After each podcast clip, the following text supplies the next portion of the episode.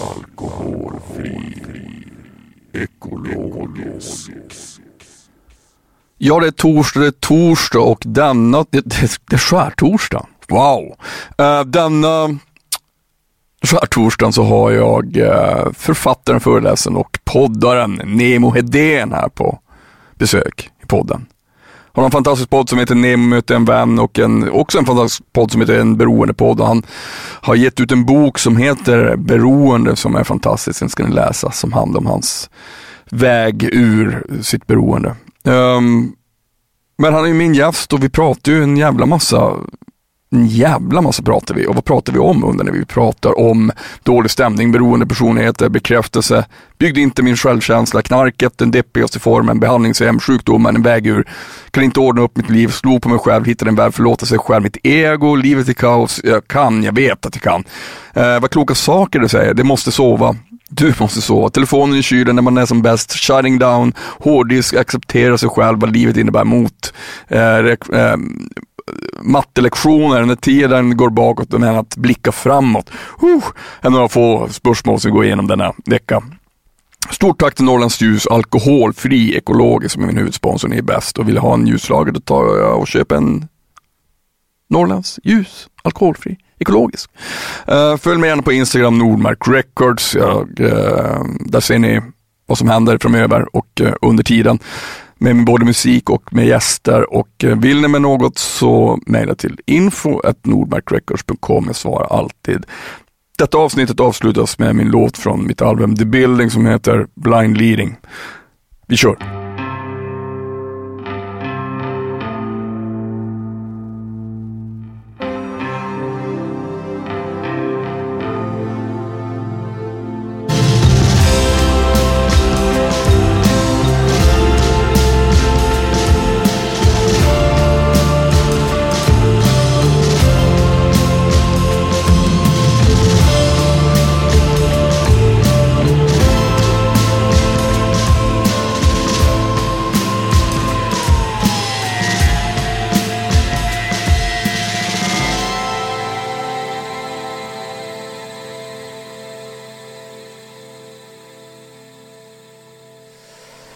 Som vi sa nyss, har gjort, om man har gjort det så mycket så är man alltid redo på något sätt.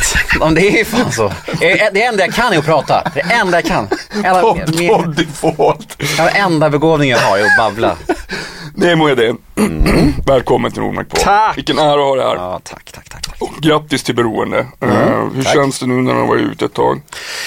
Det känns fint för att jag skrev boken för att uh, den skulle uh, få göra lite skillnad och hjälpa människor och responsen har, uh, ja men det har känts som att den har hittat sin plats bland folk och många hör av sig och säger att den har gett dem mycket insikter och gett mycket hopp och kunskap och så och det var exakt därför jag skrev boken så det gör mig super, super glad. Mm. Fanns det någon sån här, alltså såklart en lättnad när den är klar, men fick du någon sån här post depression som man kan få när man har skrivit klart ett album och bara Åh nej, varför gjorde jag det här? Nej men jag fattar, jag fattar, jag fattar känslan och jag fick, jag fick den snarare efter releasefesten. För det var också i samband Du med blev inte full hoppas jag. Nej gud, det har varit dålig stämning. Hela releasefesten var ju knökfull av bara så här beroende personligheter. Det hade varit snyggt ändå om jag och den blev packade. Nej men vad jag kände då var, i samband med bokens release och så hade jag också gjort ett, ett tv-program. Jag hade liksom gjort mycket och så bara var som allt bara var slut vid samma tillfälle. Och då fick jag verkligen någonting som jag hade hört att många pratar om, det där som du nämnde nu. Vad, vad heter det? Sa du? Så post depression. Ja men post production eh, blues Ja. säger någon någonting Ja. Och det var verkligen så att jag kände mig så otroligt tom på ett sätt som jag inte hade känt sen jag liksom pundade. Mm. Och det var verkligen så obehagligt, så här, jag bara okej det här är ingen nice. Men det höll ju bara i sig en, två dagar och jag visste ju vad det berodde på. Mm. Men det var ändå en känsla som jag inte alls hade saknat om man säger så. Nej. För det är ju så, jag tror framförallt beroende människor, what goes up must come down. Ja. Det blir nog starkare tror jag Jo. för oss liksom. Men ibland tänker jag nog att jag har, alltså, det är väl samma sak det där men om, om man, alltså om man, har- om man, har, om man har gjort någonting, alltså om man har släppt ett album till exempel, eller spelat live. Så kan man ju känna så här, fan vad, om det går bra, fan vad, fan vad bra, vad, vad bra det känns. Men den känslan försvinner ju väldigt snabbt.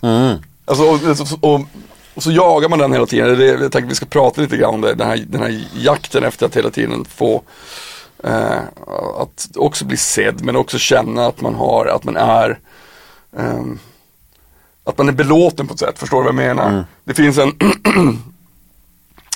Att känna sig belåten är ju någonting som, det är ju en angenäm känsla, men den är liksom, den är, den är också flyktig.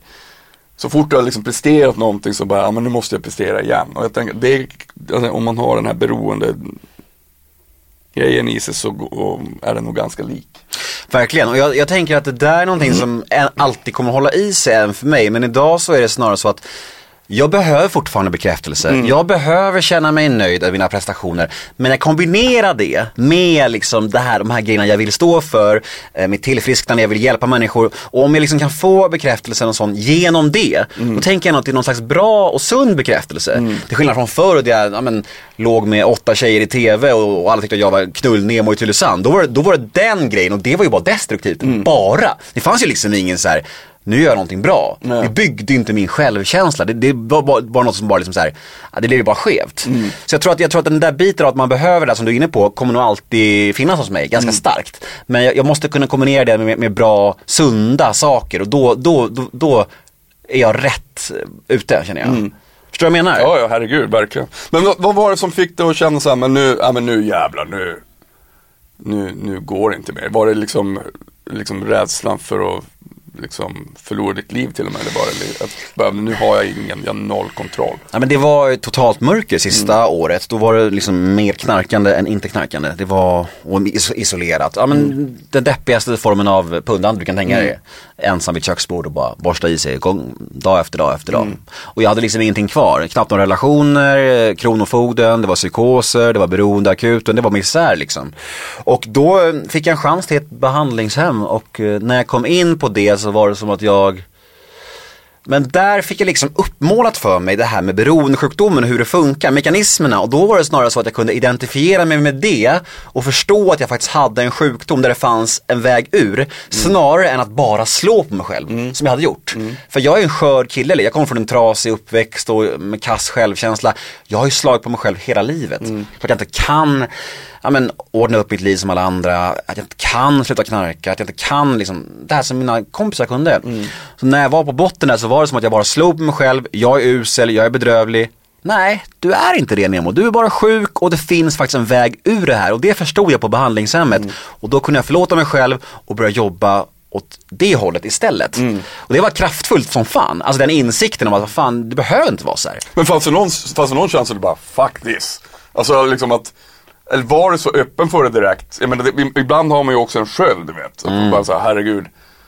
Men jag, ja, nu är jag ju här, men Alltså det var samma sak som när jag gick till massa psykologer när jag mådde piss.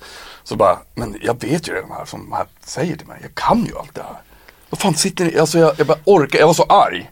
Eh, och så till slut så träffade jag eh, en rätt eh, KBT-terapeut som bara öppnade upp världen för mig. Ha- Fanns det någon sån känsla också att du bara, åh nej, det här är liksom, come on.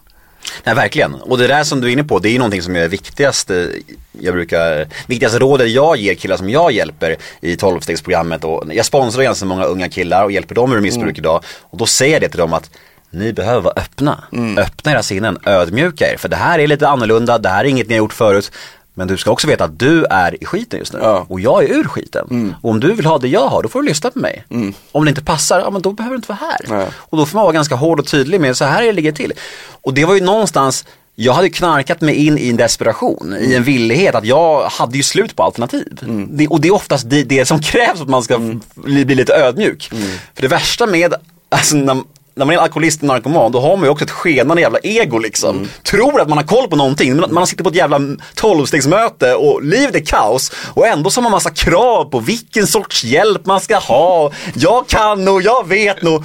Alla folk, folk bara, vad, vad, vad fan mannen, kolla på ditt liv liksom. Du vet, det är så vansinne. Det är sånt vansinne. Och jag var likadan. Jag satt där på de här mötena sommaren 2015 och bara störde mig på alla som var där och bara vad är det, vad pratar Tacksamma alkoholister, vad, vad då pratar ni om liksom så här? Ni är dumma i huvudet. Och sen så kom en kvinna fram till mig och bara, du, ehm, du verkar ha svårt att ta till dig det här va? Eh, det finns ett nytt behandlingshem som ska slå upp portarna. De har en plats ledig och jag har fått i uppdrag att hitta en ung kille som vill ha den här platsen. Det kommer att kosta nästan 200 000 sen, men du kan få den här gratis för det är som en prövokull inför, den- inför liksom premiären. Och jag var bara så här, eh, vadå, som en, som en narkoman, som en knarkare. Du vet, mm. Först var jag kränkt typ. Men sen så gick jag hem, snackade med mina föräldrar och så och de vänner som fanns kvar och alla var ju bara så här. Åk! Ja. Fattar du vilken chans det här är eller? Ja. Och jag åkte då på den behandlingen med motiven att här är en behandling som kommer att kosta 200 000. Det är lite fancy här. Det är ett nice hus vid stranden, helpension, lyxigt, hotell en månad. Så tänkte jag. Ja. Men när jag väl kom dit, då var det som att jag liksom, som du var inne på, då kände jag så här, okej okay, nu är jag här. Mm. Nu kan jag lika gärna lyssna på vad de säger här. Mm. För att det är liksom, jag, jag, ska nog vara här en månad med de här människorna dygnet runt. Att sitta här och liksom bara göra något annat, det kommer inte gynna någon. Mm.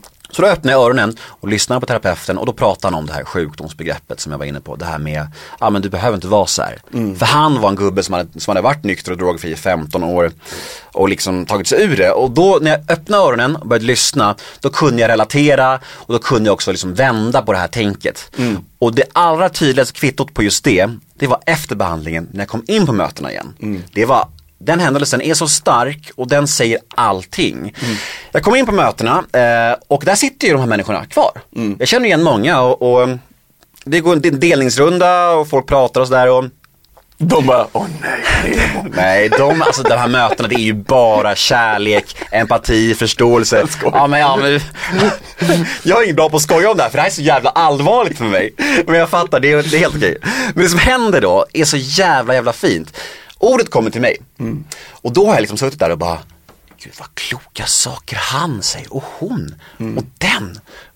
Alla säger så bra saker. Och ordet kommer till mig och jag bara säger det högt. Jag bara, hallå, jag har varit på behandling här och jag var ju här förut. Varför säger ni så bra saker nu?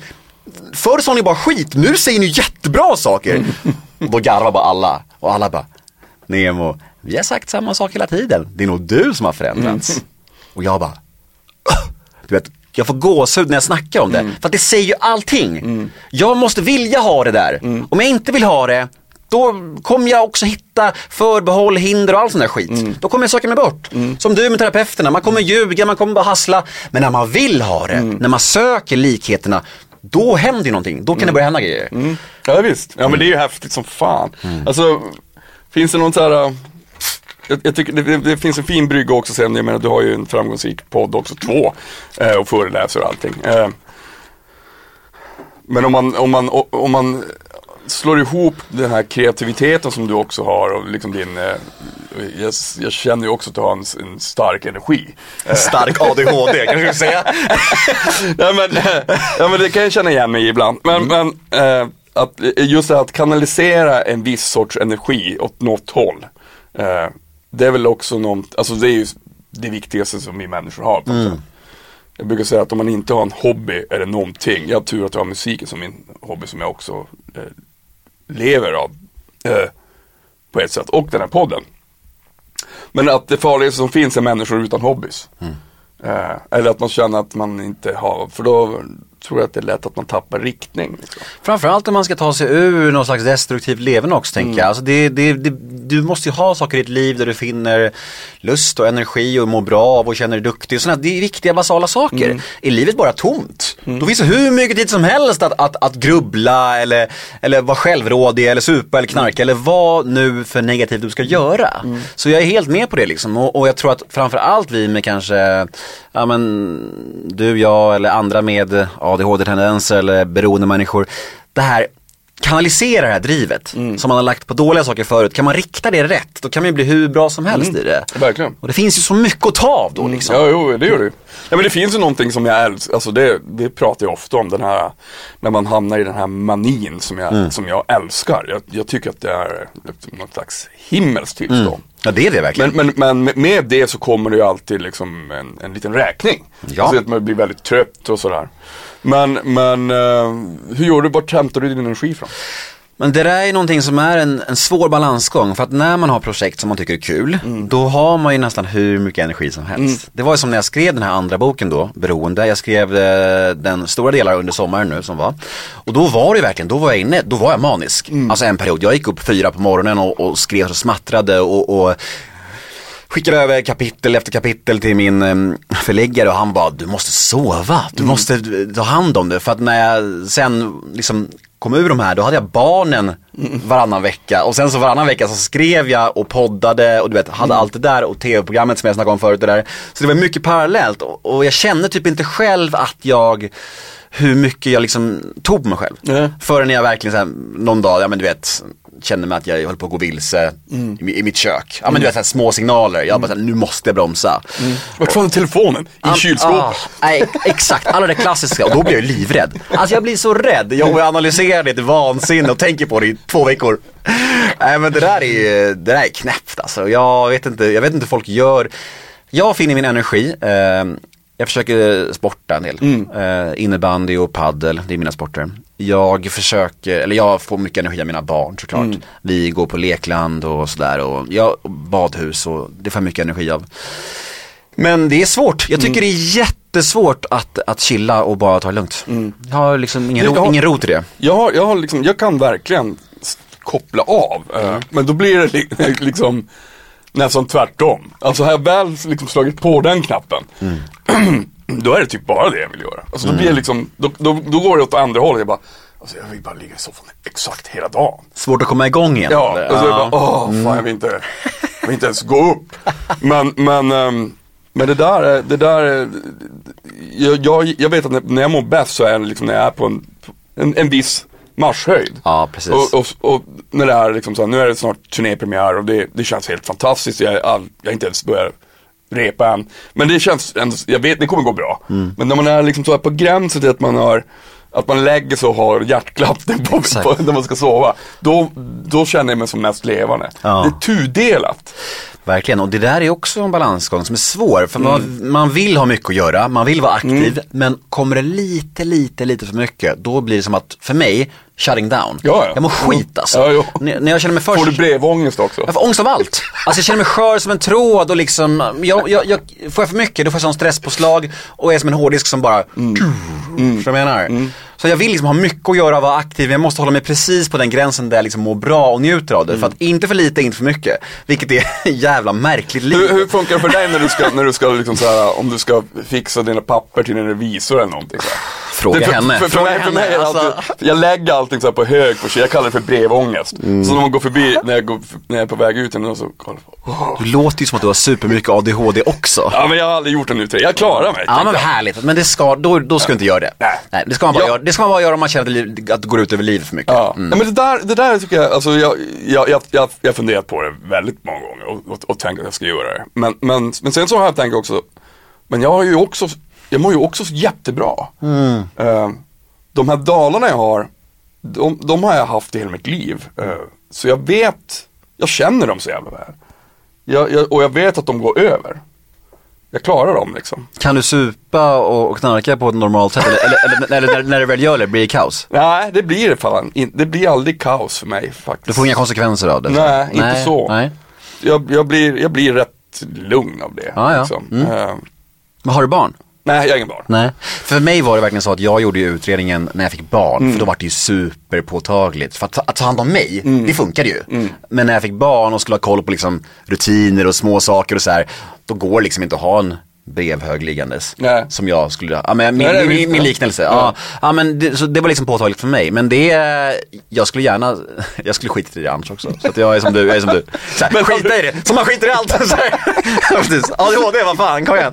Men har du, eh, det tycker jag också är så fint att prata om just det här liksom att acceptera sig själv. eh, jag menar, det, det, man kan ju också prata om liksom ADHD och olika diagnoser hit och dit och det är ju såklart, jag tycker det är, det är fantastiskt att, att det har blivit mer, att man att vi pratar om det mer och att det finns liksom en mer, eh, att, allt ifrån mer kunskap till det men också att folk vill veta varför man mår på ett visst sätt, självklart.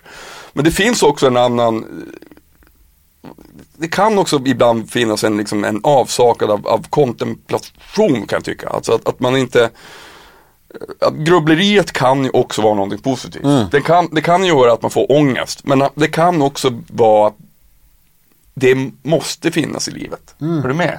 Alltså att jag tycker man, det har jag haft sedan jag var liten, liksom det här liksom att grubblat över vad, vad livet innebär och liksom, till slut så kommer ett slut. Eh, och när man väl öppnar den dörren, eh, den metafysiska ångesten, så finns den ju alltid där. Eh, man bara, ja jag kommer ju dö. Det är ju det slut, jag föds ju för att dö. Det är ju den slutgiltiga liksom sanningen. Ehm, och det kan vara väldigt smärtsamt. Men också så jävla viktigt och jag fattar inte varför vi inte pratar om det oftare. Så här, att, men vad, ja, men måste vi veta, alltså, dit vi kommer här. Vi föds med olika egenskaper också. Eh, och sen så ska man ju såklart söka hjälp. Det måste man ju om, om, om man har problem. Vare sig om man har ont i knät eller om man har liksom, psykiska problem eller beroendeproblem. Men man måste också hitta sig själv. Mm. Man måste ju liksom i, den här, i det här kaoset vad det är att leva också bara säga, fan det här är ju också jag. Eh, och med det sagt inte att man är så här, är någon jävla gammal hund som inte kan lära sig nya saker. Men att acceptera sig själv är ju kanske också det svåraste som finns. Hur gammal är du? Jag är 46. Mm. Nej men verkligen, och, och om man skulle få välja så är man ju hellre en grubblande och reflekterande människa än det motsatta. Mm. Klart att det kan vara asjobbigt när det blir för mycket, alltså att det liksom känns som att hjärnan går på högvarv och man kan liksom inte bara släppa saker. Nej. Det är klart att det är tufft, men, men att vara tvärtom och bara skita i allt och vara någon slags oempatisk buffel som bara kör över alla och aldrig reflekterar över sina beteenden eller saker. Det är ju liksom inget eftersträvansvärt heller. Så jag är helt med dig, det är klart att man inte ska, man ska inte satsa på en diagnos och så här. Jag tror att, jag tror att allt, allt handlar ju om hur man får, göra, man, man får ha sin egen vågskål. Ja, så är det. det är så. Whatever floats your boat. Det- Verkligen. Det, det, måste, det är liksom någon, det är någon riktning där. Ja, hur mycket det går ut över livet liksom. Som jag gjorde när, när jag fick barnen, då, då kände jag, ja, men det här blir för tufft med föräldraskapet, jag behöver hjälp liksom. Men innan det så hade jag ett liv där jag någonstans visste om att jag hade diagnosen, jag hörde hela mitt liv liksom, det är dampunge från day one. Men jag hade ändå skapat mitt liv där jag kunde hantera allting. Du vet städerska, och hämtmat och revisor, ja men förstår du vad jag menar? För det är liksom grejerna jag inte kunde. Ja. Men du förstår vad jag menar. Men det är, där du säger om döden, Don't even get me started om dödsångest alltså. Ja. Fastnar man i den tanken, då är det, det är ingen plats vi vill vara på. Nej.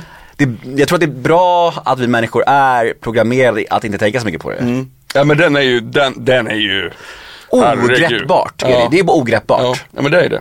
Det finns någonting som jag, jag brukar ofta prata om det, just det här med alltså hur man ser på livet. Jag tycker att man, man, man söker ju hela tiden svar eh, på sin existens och sådär. Och jag brukar säga att när man slä, har släppt kontrollen över det, när man inser att jag kommer aldrig få svar.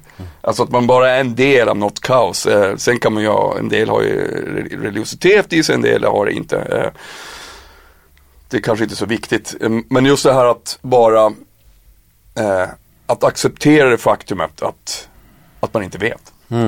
Det, är liksom, det gör en jävligt ödmjuk. Men det är också Det är någonting vackert i det, tycker jag. Liksom att så här, det, det finns liksom ingen total sanning. Man kan bara vara liksom där man står på något sätt. Är du med?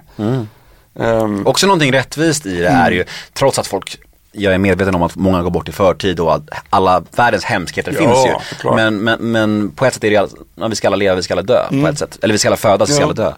Så det är just därför är jag, det är så läskigt alltså. Jag tycker det är så obehagligt. Just det här icke existentiella, det här Mm. bara, allt. Vi, det bara poff. ja, jag vet. Nej, ja, fan. det, ja, men den är, den är Svår. Den är jävligt svår. Och vad man än säger om det blir bara så här mm, futtigt. Ja, jo. Precis. Men därför, ska man, därför det- ska man snacka om någonting annat Ja, egentligen. men vad fan var det innan jag föddes? Det är nog så det kommer vara när jag är död, liksom något slags innan, i, ingenting. Åh. Ja, det, Fan det var det deppigaste jag någonsin har hört. Svart, det, var det, är som att, det är som att lägga en sån hand för ögonen. Så här är det när man dör. en, blöt, en blöt filt över. Åh gud. Ja, men du, och sen jag tänkte när det kommer till inspiration och sånt ehm, i ditt yrkesliv nu om, om du jämför med eller om du jämför med när du var barn, när du var liten, du sa att du var liksom en dampunge och sådär. Hade du liksom, de här grubblerierna kommer ju också kanske ofta mer för de kidsen, tänker jag. Du vet att man, eh, vet hur det var i skolan för dig när, med, med göra saker som, mm, till exempel för mig var mattelektioner kändes som, jag kollade alltid på klockan så, så bara, den har gått bakåt. Alltså, åh herregud, och en timme. Det, det är det jag liksom kommer ihåg mest, att den där, liksom, om man hade dubbeltimme matte så kändes det som att det var, att det var det i två månader. Alltså fruktans, så, så fruktansvärd ångest. Ehm, och jag ly lyckades liksom hanka mig igenom den. Det gick för knappt okej. Okay. Men, men just den här liksom eh, känslan av att göra det som man tyckte var fruktansvärt tråkigt versus när man faktiskt gjorde något som man tyckte var fruktansvärt kul. Mm. Eh, och hela tiden vilja vara i det som är roligt. Är det något som har präglat dig? Ja men alltså ADHD, återigen. Nej men verkligen alltså det känns som att det präglar hela mitt liv det här med att grejerna som jag kan och tycker om blir jag väldigt bra på. Jag är mm. väldigt, väldigt, väldigt driven i det. Men sakerna som jag kanske inte tycker är så kul, det blir som att jag är helt handlingsförlamad i det. Mm. Jag är helt, alltså på ett sätt som jag skäms över för att jag jag kan liksom se mina vänner greja saker som de inte tycker är kul på ett annat sätt. Men jag mm. blir som att jag liksom inte har några armar på något sätt. Mm. Och samma i skolan, så här, jag kunde liksom inte göra det här som andra kunde. Alltså det var sådana utmaningar för mig att ta med penna och sudd och det var sådana utmaningar för mig att, att göra läxor eller sitta still. Allt sånt här som jag upplevde att mina vänner klarade av, klarade inte jag. Och det som händer då är att man också börjar slå på sig själv. Mm. Redan innan skolan så hade jag nog ganska bedrövlig självkänsla för att jag kom från ett ja, missbrukarhem får man mm. nog säga. Eh, och då blir det som att man fortsätter på inslagna vägen med att liksom jag är någon som inte är värd så mycket. Mm. Jag kan ingenting, jag är bara hopplös. Och, och det, ju, det, blir som att med de här och inte kunna klara det här som andra klarar i skolan så blir det som att man cementerar en bild som redan har byggts på. Mm. Uh, så det var tufft alltså. Det var därför tror jag att det liksom har varit ännu mer avgörande för mig att hitta mina grejer. För att det, det annars är det nog väldigt svårt för många av oss och framförallt vi som har liksom ett trasigt mm, inre mm, om man får säga så. Men jag, jag menar, jag, jag kommer ihåg det fanns vissa, jag lyckades ändå liksom fejka mig igenom skolan med okej okay betyg. Liksom. Ja, grattis. Uh, men uh, men det var, det var vissa de här, det var vissa lektioner som, som var, där jag, jag kände mig så här, fan jag fan, vad, fan jag känner mig trög. Mm. Alltså, alltså att man bara, eh, jag kommer ihåg min lärare, han kom fram till mig och så sa de det på. Och Per, han är väldigt frånvarande på vissa lektioner. Han sitter bara och stirrar ut genom fönstret. Och så hade läraren kommit fram till mig och sa, bara, vad tänker du på? Jag bara, döden. Men vet, för, för, för mig var de, de lektionerna var på något sätt det. Det var liksom ingenting. Alltså det var bara ett, liksom ett ett vakuum äh, av ingenting. Mm. Så upplevde jag de, de, de lektioner som jag tyckte var förjävliga. Men det som jag tyckte var kul, som jag älskade historia och idrott och, sånt, och musik. Det, det bara, åh fan, de, de kändes ju som tio sekunder. Mm. Men jag menar den, den, den bryggan mellan det kreativa och sen hitta det som, hitta sin plats, det, det, är ju otroligt viktigt. Jag tror också det, och det är framförallt väldigt svårt också. Mm. Eh, men, men det är liksom totalt avgörande för knäppskallar som oss. Döden babblande dårar som oss. Ja. Men hur, hur eh, när, när, kände du så här, eh, när du startade podden så här, fan det här är ju någonting, det här är något som jag kan hålla på med. Ja, det är en bra fråga. Jag, jag, vet inte riktigt. Jag startade den mest som en kul grej. Mm. Eh, det var i början på 2014 minns jag. Och eh, jag var ju förtjust i Alex och Sigge, Filip och Fredrik, även i Värvet. Mm. Eh, som var egentligen de enda poddarna som kom före min mm. i Sverige om man ska hårdra det. Eh, och då var det som att jag ville göra någonting av de kontakter som jag hade fått i Kungen av Tylösand. Jag mm. visst, hade ju ändå lärt känna lite, lite halvkändisar, mm. den svängen. Och, då, och så gillar jag podcastforumet mycket. Så de första gästerna i, i podden är ju mycket så här, ja men Kalle Schulman som, mm. som producerade det och, och dokusåpakändisar, mm. Paradise Hotel-folk och så här. Och sen så var det egentligen när jag blev nykter drygt 40-50 avsnitt in som det small till. Mm. Och det var att det hängde ihop, det var också viktigt för mig. För det blev, då fick jag en tydlig sidovinst mm. i min nykterhet. Jag, jag kunde liksom koppla samman, okej okay, nu har jag blivit nykter här, podden slår igenom, eh, jag får det, allt kommer till mig, det här, det här, det här jag ska ju leva nykter, det är självklart. Mm. För, att, för, att, innan hade jag bara kämpat och kämpat och, och livet var bara skit. Mm. Och så gör jag den förändringen och, och, så, och så blir sak, livet så jävla bra. Mm. Så det var egentligen då när jag, när jag hade varit på behandling då, kom hem och, och jag tror det var Christer Henriksson-episoden som blev så här super, super stor och löpsedel och så.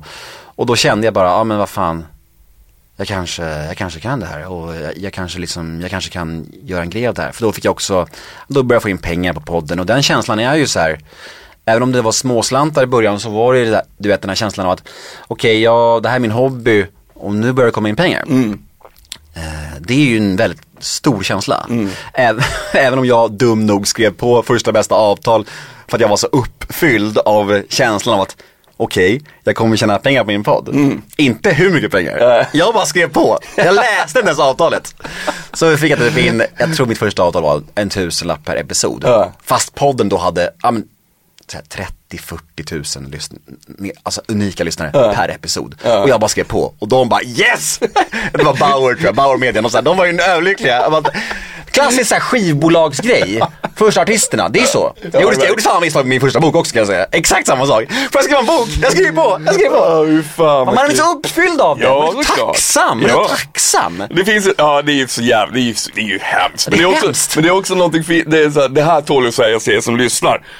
Eh, att eh, trots då eh, din person, att, att, liksom att göra 40-50 avsnitt, det är ju 40, det är ju 50 veckor. Ja, ja, ja.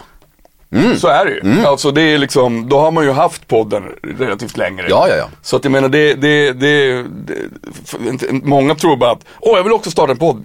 Absolut. Nej, Fan vad kul. exakt. Mm. Vi hörs efter 30 avsnitt och se om du fortfarande tycker att det är kul. Vi snackade om det lite innan vi slog på eh, spelaren här att, att eh, många ligger av efter tio episoder. Ja. För att de, de går lite minus på, på klippningen och sådär. och, och eh, jag tror att folk ska förstå det att det krävs ju tålamod, det krävs en bra nisch och det krävs också jag tror mycket så tillfälligheter egentligen. Ja, såklart. Ja, och, och talang och allt sånt där kombinerat för att det ska slå liksom. Mm. Framförallt idag, nå genom bruset idag är ju hopplöst. Mm. Så, men jag kom ju väldigt tidigt så jag hade liksom så här, jag kom också precis när Triumf hade haft sin stora liksom peak, alltså Mm. han hade slagit igenom och det var precis liksom så här, folk började känna så här "Vi behöver någonting nytt. Mm. Och så kom jag den här dampiga pojkspolingen som inte alls var lika tyst som Triumf var. För Triumf knep var ju att fråga och sen vara tyst. Klassiska journalistknepet. Jag var ju inte alls sån, jag var ju tvärtom. Ja, men jag, jag, jag är ju likadan. Jag bara avbryter min tiden. Det var någon som skrev såhär, fan vad grym jag är. Men Per pratar ju hela tiden. Ja, jag jag bara. Ja. det, det, det, har, det har nog blivit bättre på tror jag. Men, det är, men samtidigt så, jag, det, det är fint att vara det är fint att vara som man är också så länge man tycker att, liksom att, att båda tycker att det är liksom spännande och, och fint. Ja men så länge, så länge det blir ett bra snack och så länge gästen får säga sina grejer så är det väl jättehärligt om man kan baka in ett samtal Ja. i det. Det vill jag också göra. Ja. Jag vet ju själv att de bästa poddarna jag gör idag är när man får till ett samtal, Mm. man möts i, i gemensamma nämnare som vi har gjort idag. Det är ju det som är levande och härligt ju. verkligen. Istället för att bara använda de klassiska journalistknepen, ställa en fråga, var knäpptyst och sen hoppas att människan, eller tvinga fram människan att svara. Det, är liksom, det är så jävla dassigt och Mm. Ja, förle- förlegat. Fan så, har man, så har vi ju aldrig jobbat. Nej. Men du, vad händer, vad händer nu i vår då? Vad, vad står på agendan förutom podden? Men eh, jag kör på med Nemo möter en vän där jag intervjuar kändisar. Släpps varje måndag. Det är ju väldigt så här, ja men offentliga personer. Sen kör jag också den här En beroende podd. Som är en podd som har växt så det knakar faktiskt. Och den handlar ju om beroende och medberoende. Där jag försöker liksom prata om min hjärtefråga. Sprida kunskap, eh, krossa tabun och ja men eh, sprida hopp liksom. Samma grej som jag gjorde i boken är i den podden. Så det är de två poddarna. Varannan vecka, liv med mina två döttrar. Eh, ut och föreläsa en hel del. Blir mycket kring boken då. Så det blir som att jag har, När, när, när började du med föreläsaren? Kom, kom det ungefär samtidigt som podden eller liksom? ja alltså jag gjorde lite fake it till you make it vad gällande föreläsningarna. Jag kallade mig nog själv föreläsare innan jag fick föreläsningar. Det är ju ett, ett gammalt knep. Funkar än uppenbarligen. Men det gjorde jag. Alltså jag, boka mig!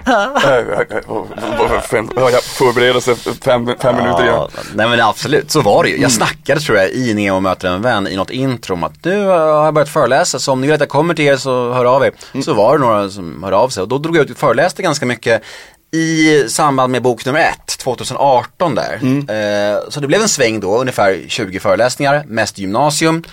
En life story liksom, om mitt liv.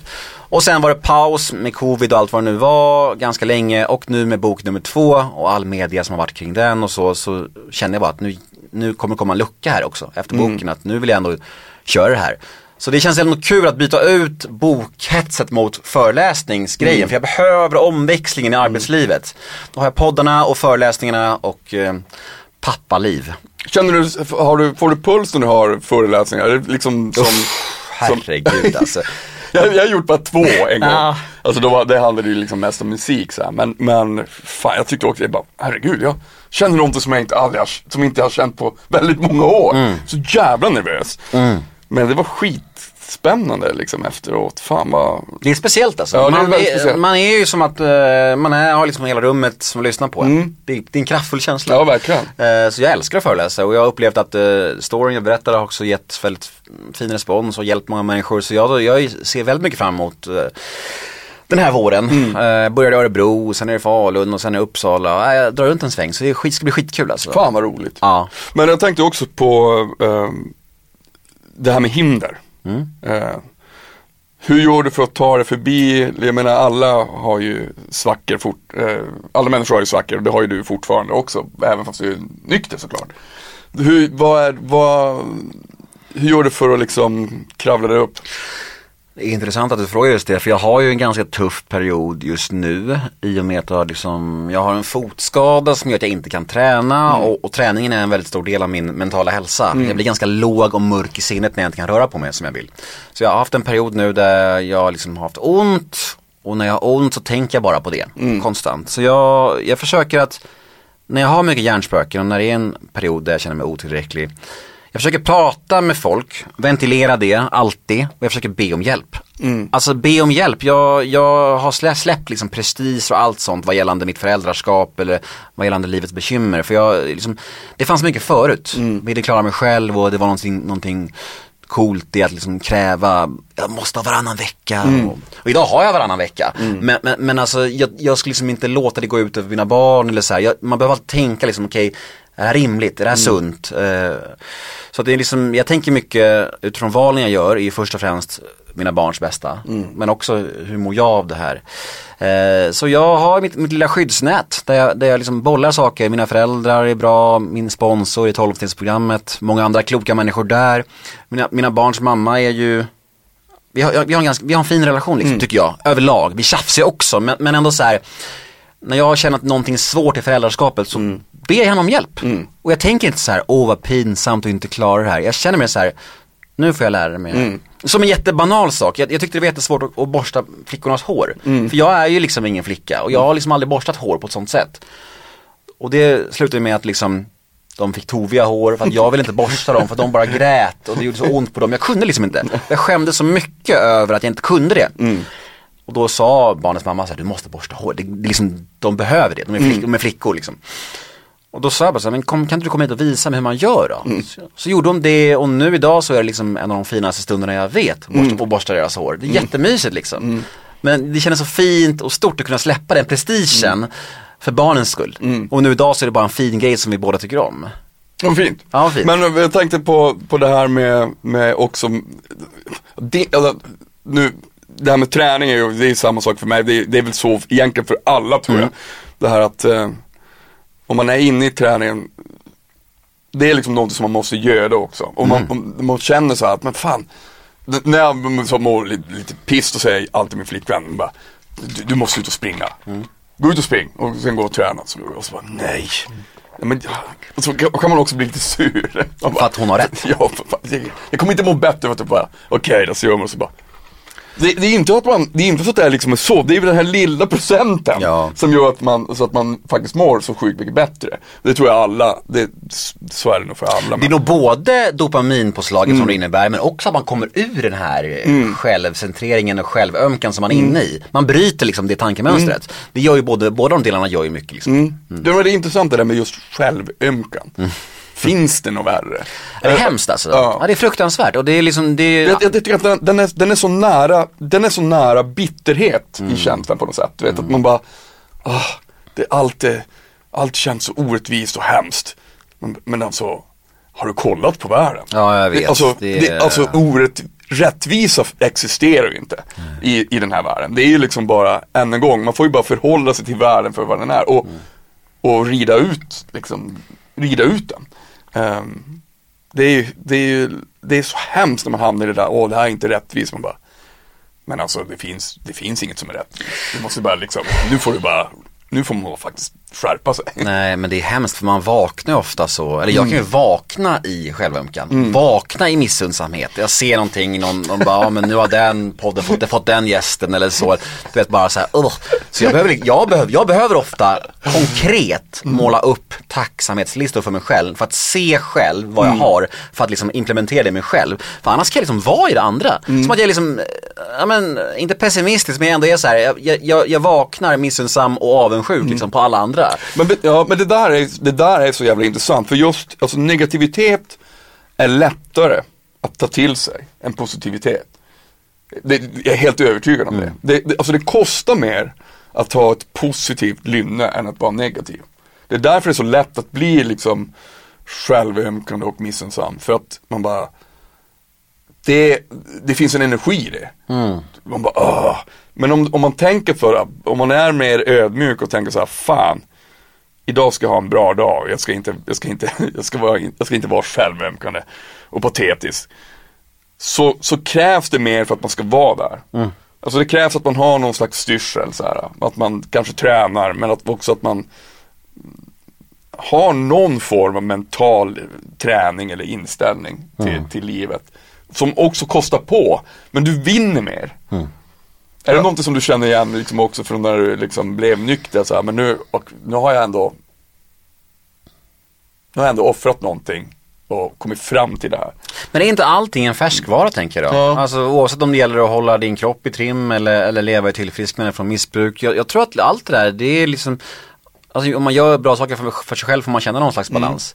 Man kan inte tro att man ska bli vältränad av, av att köpa ett gymkort och hänga i repan liksom. Du måste gå in och pumpa maskinerna, det är så. Det är samma med, med 12-stegsprogrammet. Jag måste liksom göra mina rutiner och ta hand om mig själv och ta hand om min, jag brukar kalla det för min, min andliga själsliga hygien. Eh, ta hand om de bitarna och kika på mina relationer och mitt känsloliv då och då. För att annars, om jag inte gör det så blir jag lätt så att jag hamnar i det här som jag pratade om. Hur jag kan vara i min natur. Det här egot liksom. Egot, egot, egot. Och jag tror att egot är den som, det är liksom ett samlingsord för mina dåliga sidor kan jag säga. Eh, Så absolut, jag tror att jag, du är inne på någonting där och vi måste investera i oss själva på alla olika sätt för att också känna balansen. Vi kan inte bara tro att vi ska börja må, må bra av, att- av att tänka oss fram till det. Nej. Det går ju inte. Nej. Vi måste göra konkreta handlingar för oss själva och det gäller ju alla våra angelägenheter. Ja men så är det. Du Nemo, stort tack för att du ville vara min gäst. Tack själva, supermysigt hörru. Så jävla grymt. Ja. Stort tack till dig Nemo Hedén och um, ja, that's about it. Ta hand om er så hörs vi nästa vecka.